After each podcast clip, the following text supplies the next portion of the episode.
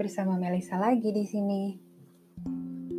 Hari ini sudah hampir satu minggu. No, sudah satu minggu dari sejak saya menerima pemberitahuan di PHK.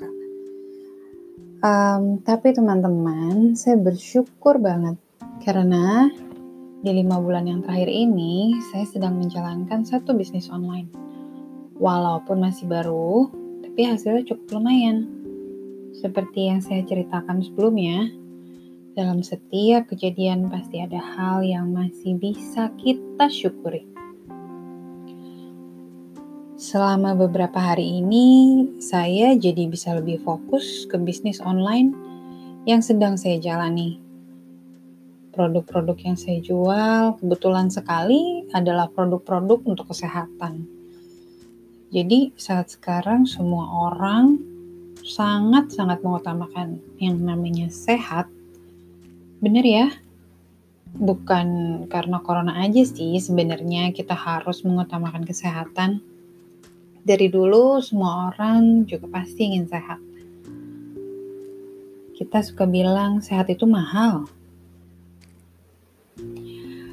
Um, mungkin adanya wabah corona ini, kalau dipikir-pikir nih, bisa jadi salah satu hal untuk menjadi pengingat kita atau koreksi bagi kita semua.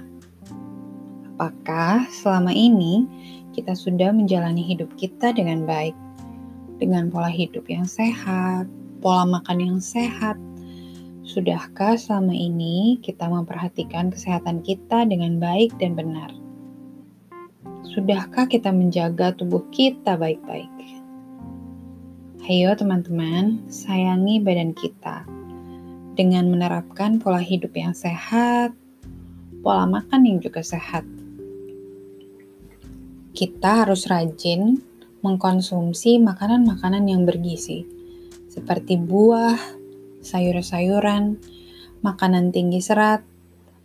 Jangan lupa minum vitamin untuk menjaga imunitas tubuh, dan pastinya harus banyak minum air putih. Sampai jumpa lagi di podcast berikutnya para wanita hebat. Saya akan berbagi sedikit cerita tentang apa sih yang saya lakukan di bisnis online saya.